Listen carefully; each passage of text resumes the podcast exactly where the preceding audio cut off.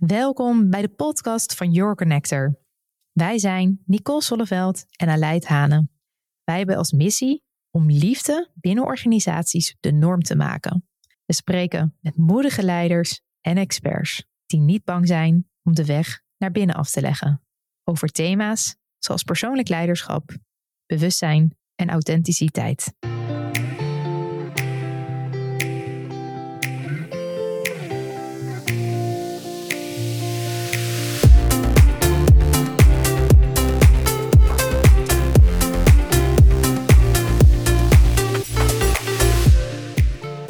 Goedemorgen, Aleid. Ja. Daar zitten we dan. Goedemorgen, Nicole.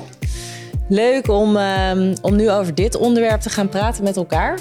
Ehm, we hebben een eh, tijdje geleden een post gedeeld over je schuldig maken. En, eh, en over het lieve brave meisjes, lieve brave jongetjes syndroom. En wij merkten dat er heel veel herkenning op terugkwam van, eh, van mensen.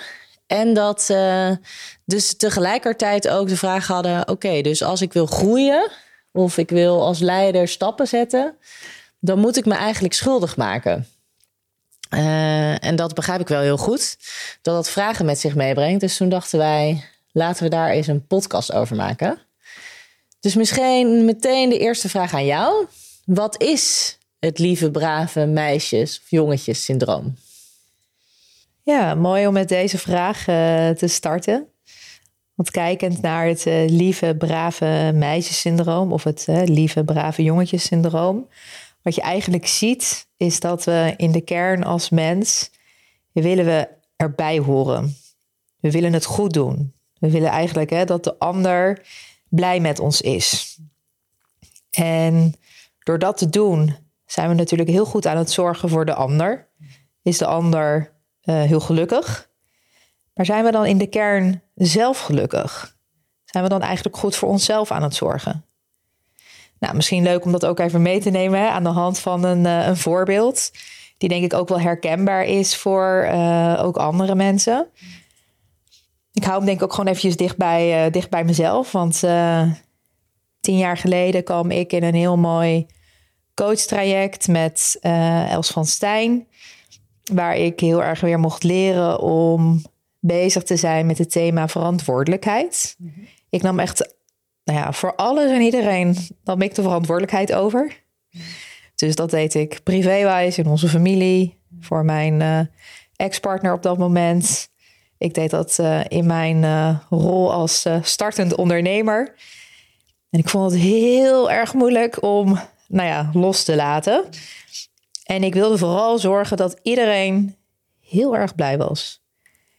En wat, ja, wat leidde, er, hè, het leidde er eigenlijk toe dat heel veel mensen ook in mijn omgeving natuurlijk hartstikke blij waren. Want die hadden zoiets, nou ja, die Connie is het allemaal wel aan het regelen. Um, alleen merkte ik gewoon bij mijzelf, eigenlijk kost dit heel veel energie. En in de kern ben ik eigenlijk helemaal niet zo goed voor mezelf aan het zorgen. Want ik ben alle ballen hoog in de lucht aan het houden. En hoe leer je dan ook hè, om op een gegeven moment dus meer verantwoordelijkheid over jezelf te nemen? Dus door niet continu in dat, in mijn geval, hè, in dat lieve, brave meisjessyndroom te starten, maar echt daderschap, verantwoordelijkheid te nemen voor mijn eigen leven. Mm-hmm. En dat betekende toch wel een beetje dat ik uh, schuld moest gaan, uh, gaan maken bij anderen. Een mooi voorbeeld die ik zelf ook altijd gebruikte was Eigenlijk moet je het een beetje zien als een, uh, een wondje die je bij iemand maakt. En dan ga je wel lekker wat, wat zout in strooien. En die ander denkt echt, auw, je doet me pijn. En eigenlijk iedere keer gebruik ik dat voorbeeld ook. Oh ja, als ik echt goed voor mezelf aan het zorgen ben, dan merk ik dus dat de ander het eigenlijk niet zo leuk vindt. En in de kern wist ik dan, oké, maar op dit moment ben ik wel voor mezelf aan het zorgen. En dat is natuurlijk niet makkelijk. En dat is echt een weg van oefenen en vallen en opstaan. Dus um, nou, ik denk dat dat wel een beetje antwoord geeft op uh, de vraag die je net aan mij stelde. Ja, wat is het nou eigenlijk? Ja, en wat um, ik denk wel mooi is om hem door te trekken ook naar leiderschap. Want het voorbeeld wat jij geeft uh, leent zich daar ook wel heel goed voor. Want verantwoordelijkheid nemen brengt natuurlijk ook een uh, dualiteit met zich mee. Zoals alles een dualiteit met zich meebrengt. Hè? Ehm, en dat is loslaten. En uh, zo heb je ook de dualiteit perfect versus imperfect. Uh, en kwetsbaar versus krachtig. Nou, en daar, uh, daarin zie je eigenlijk dat veel leiders er tegenaan lopen dat op het moment dat ze verantwoordelijkheid nemen, het heel moeilijk vinden om, om los te laten. En um, uh, in dat loslaten uh, dan dus ook uh, zich schuldig durven te maken. En het interessante is eigenlijk als we kijken naar de mens en naar de wereld, dan is het volledig omarmen van die twee dualiteiten. Dus en verantwoordelijkheid nemen en het loslaten in dit geval. cruciaal om volledig jezelf te kunnen zijn. Want die beide dualiteiten leven in jou. Dus als je er slechts één van omarmt, dan wijs je ook een stukje van jezelf af. Ja, en het mooie wat je ook hier weer zegt, is dat beide zijn dus ook goed. Dus ook hè, in dit geval weer van verantwoordelijkheid nemen. Alles waar inderdaad, als we te veel verantwoordelijkheid nemen, ja, dan, dan zitten we in de overdrive. Maar betekent niet inderdaad dat het stuk verantwoordelijkheid nemen niet meer goed is als we inderdaad maar die twee dualiteiten, dus ook het stuk loslaten, mogen omarmen, zodat we daarin kun, kunnen balanceren. Ja, inderdaad. Eigenlijk ga je op zoek uh, in dat proces naar de goede balans tussen die beide dualiteiten. En, um, uh, en wat ook uh, zeker in dit voorbeeld heel interessant is om je te realiseren, is dat natuurlijk met loslaten, zeker als leider in een team, je ook ruimte geeft aan anderen. Dus ja, je maakt je schuldig. En misschien dat die ander er ook in eerste instantie niet op zit te wachten. En dat vraagt dan verduren, want het is lastig om, uh, om dat schuldgevoel te ervaren. En tegelijkertijd uh, geeft het ook ruimte aan de ander om, uh, ja, om, om naar voren te stappen.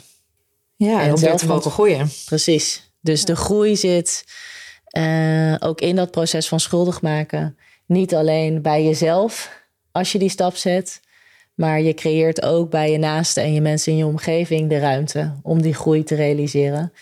En om daadwerkelijke verbinding aan te gaan. Ja, want dat is uh, waar wij veel met elkaar over praten. Uh, wij geloven dat in leiderschap de eerste stap is dat je de verbinding met jezelf uh, aangaat. Om vervolgens ook de verbinding met de ander aan te gaan. En in dat proces waarin je eigenlijk maar één kant van die dualiteiten uh, omarmt en bijvoorbeeld uh, volledig in die verantwoordelijkheid uh, blijft hangen, blijf je eigenlijk, doordat je je niet schuldig durft te maken, niet dicht bij jezelf, dat zei je net ook heel mooi, maar verwijder je steeds iets verder van jezelf.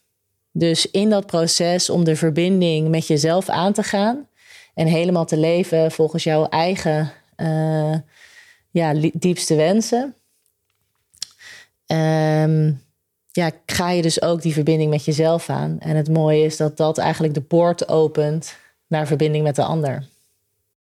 Ja, dus eigenlijk zie je dat dus schuld nemen ervoor zorgt dat je dus ook echt weer die verbinding met jezelf kan aangaan.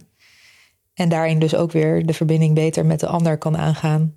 En dat we eigenlijk beide in dit proces mogen groeien, doordat er schuld wordt genomen. Ja. En, en Nicole, uh, kan jij misschien iets meer vertellen ook?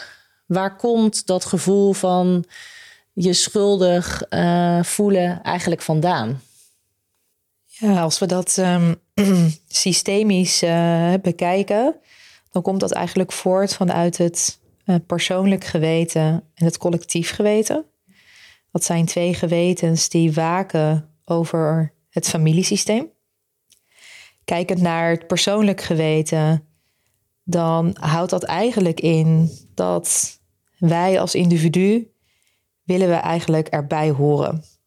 Uh, kijkend inderdaad hè, naar ons gezin, zie je ook, hè, kinderen willen bij hun ouders horen. Ze willen het goed doen. Ze willen dat ze gezien worden.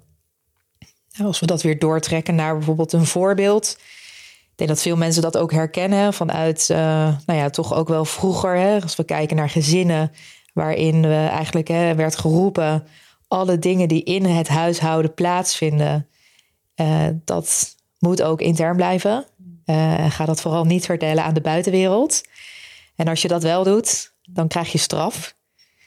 Dus als kind wist je heel goed, oké, maar als mama dit zegt, dan moet ik er toch echt wel voor zorgen dat ik inderdaad mijn mond hou, want anders krijg ik straf en hoor ik er niet bij. En voor een kind is dat heel normaal. Alleen als we willen groeien, is het belangrijk om ons weer schuldig te maken. Dus hoe kunnen we op een gegeven moment, als we ouder worden, ook echt weer, hè, wat jij net al zei, heel mooi weer in verbinding komen, ook met jezelf en ook gaan voelen: hé, hey, maar is dit wie ik ben en hoe ik wil handelen? Of merk ik, juist doordat ik dingen die in mijn huishouden plaatsvinden, door dat juist te bespreken met een goede vriendin, dat het mij eigenlijk weer helpt om dat te delen. En juist daarin weer gespiegeld te worden en te mogen groeien. Nou, en ook dat heeft natuurlijk weer te maken met nou ja, schuld pakken. Het tweede geweten is het collectief geweten. En het collectief geweten zegt: iedereen uh, hoort thuis binnen het familiesysteem. Niemand mag buitengesloten worden. Nou, ik denk dat dit ook herkenbaar is voor veel mensen. Dat je kijkt naar een familie. Er is vaak, nou ja, in veel families helaas is, is er altijd wel iemand die wordt buitengesloten. Uh, denk bijvoorbeeld aan een situatie, hè, de, de oorlog uh, die we hebben meegemaakt. Uh, en hè, dat kan best zijn dat er bijvoorbeeld een opa is geweest die erge dingen in de oorlog heeft uitgevoerd. En waardoor de familie op een gegeven moment heeft gezegd: Jij hoort er niet meer bij. We willen jou niet meer zien. En wat je eigenlijk ziet, is dat het familiesysteem dan een beetje ontwricht raakt. En dan kan het best zo zijn dat bijvoorbeeld drie generaties later uh, een kind eigenlijk de rol gaat pakken om datgene wat is uitgesloten weer te willen insluiten.